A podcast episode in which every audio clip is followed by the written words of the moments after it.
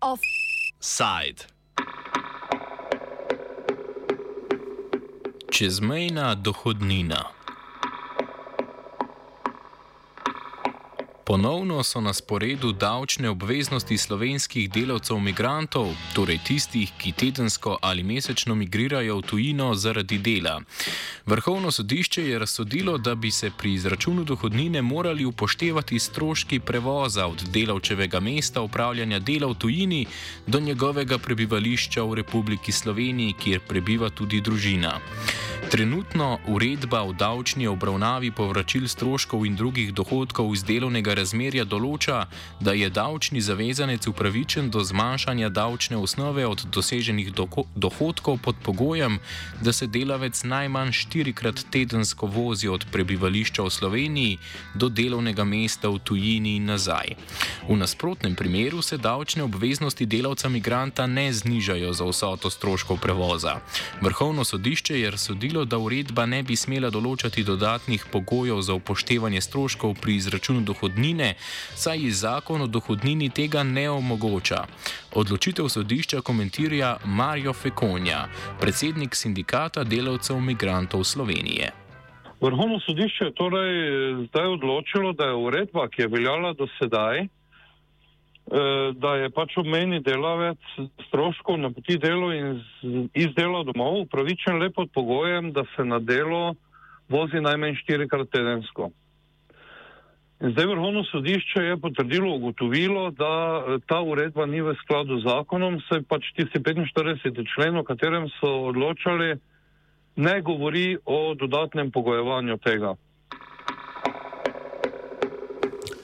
Vrhovno sodišče je presojalo v pritožbenem postopku v primeru odločbe finančne uprave, ki jo je ta izdala enemu od čezmejnih delavcev.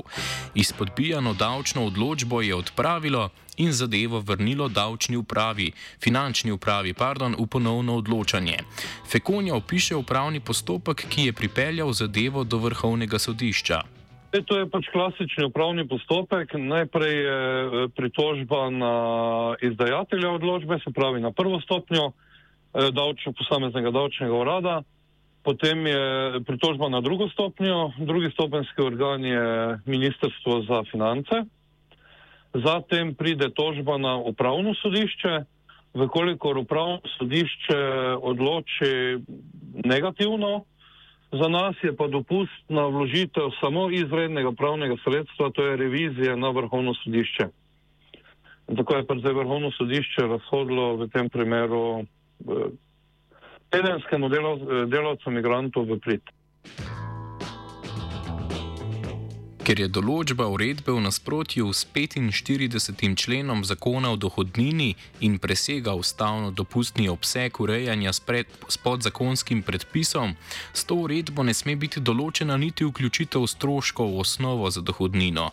Na ta del uredbe se bo mogoče sklicevati samo, če bo zakonodajalec spremenil zakon o dohodnini.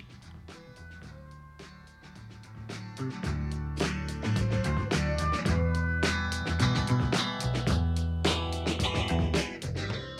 Zdaj, če bi oni želeli, da postane uredba spet nazaj veljavna, bodo mogli spreminjati 45. člen zakona o dohodnini, ker recimo dodajo samo en stavek eh, za dohodke stojine, čezmejne delavce se upoštevajo eh, stroški v zvezi z delom po uredbi.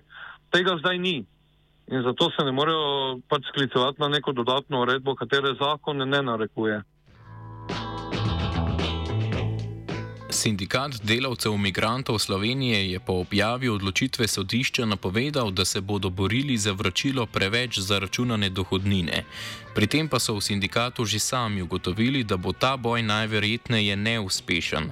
Finančna uprava po besedah sindikata namreč trdi, da odločitve sodišča ne morejo veljati retroaktivno. Dobro, jasno je zdaj, da bo odločitev vrhovnega sodišča neposredno vplivala na odločitve za vnaprej.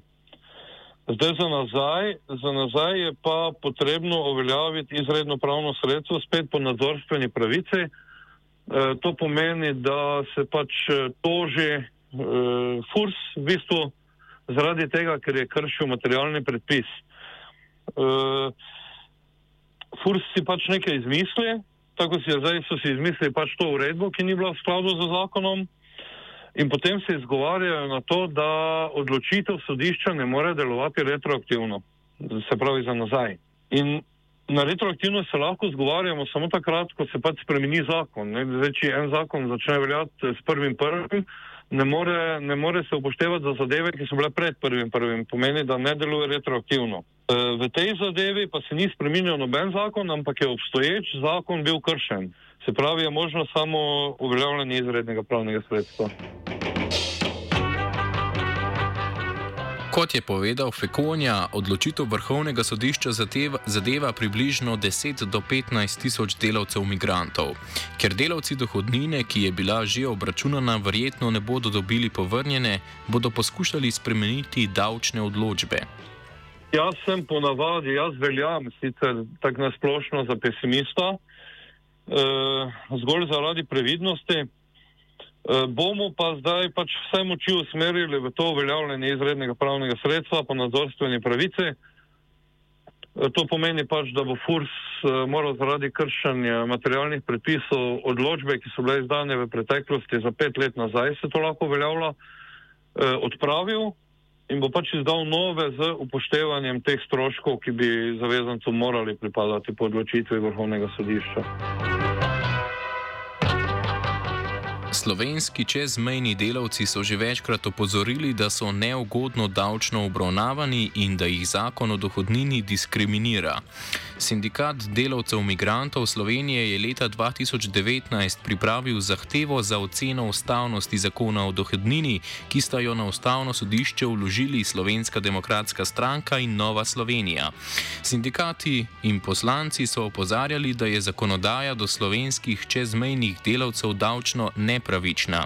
Sindikat je v zahtevi za oceno ustavnosti zapisal, da ima slovenski davčni rezident, ki dela v tojini, kljub enakemu bruto dohodku ter enakemu strošku malice in poti po obdavčitvi, nižji leto, letni prijemek, kot ga dobi slovenski davčni rezident, ki dela v Sloveniji.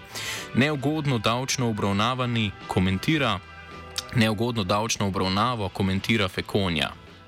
Ja, zdaj znotraj, znotraj samih delavcev imigrantov, če gledamo, so najslabše obravnavani ravno tedenski imigranti. Vi morate vedeti, da ti ljudje so uh, cele, cele tedne ali pa mesece, kakorkoli, recimo šoferji, so v, od doma odsotni, potem imajo najeta stanovanja samo zaradi dela, eh, dobivajo neobdavčene dele eh, dohodka v tujini zaradi dnevnic in ravno to jim v v Sloveniji davčno ne priznava. Se pravi, da teh vrst stroškov v Sloveniji davčno niso priznani. Nasplošno, nasplošno eh, problematika čezmejnih delavcev pa še vedno ostaja, tako kot je bila na začetku, stroški v zvezi z delom. Vemo, da slovenski delavec zaposlen v Sloveniji eh, so mu stroški izplačani neto mimo obdavčevanja, eh, naši stroški se pa zgolj izvzemajo iz davčne osnove, kar pomeni samo lešava. Čezmejni delavci, ki so večinoma zaposleni v Avstriji, so v svojem boju za plačevanje nižjih davkov dosegli malo zmago. V prihodnosti se jim torej vendarle obeta ugodnejša davčna obravnava, bodi si zakonodajalec, bodi si vlada, pa mora primerno uskladiti pravne akte. O Abzajcu Fursa je pisala Aida.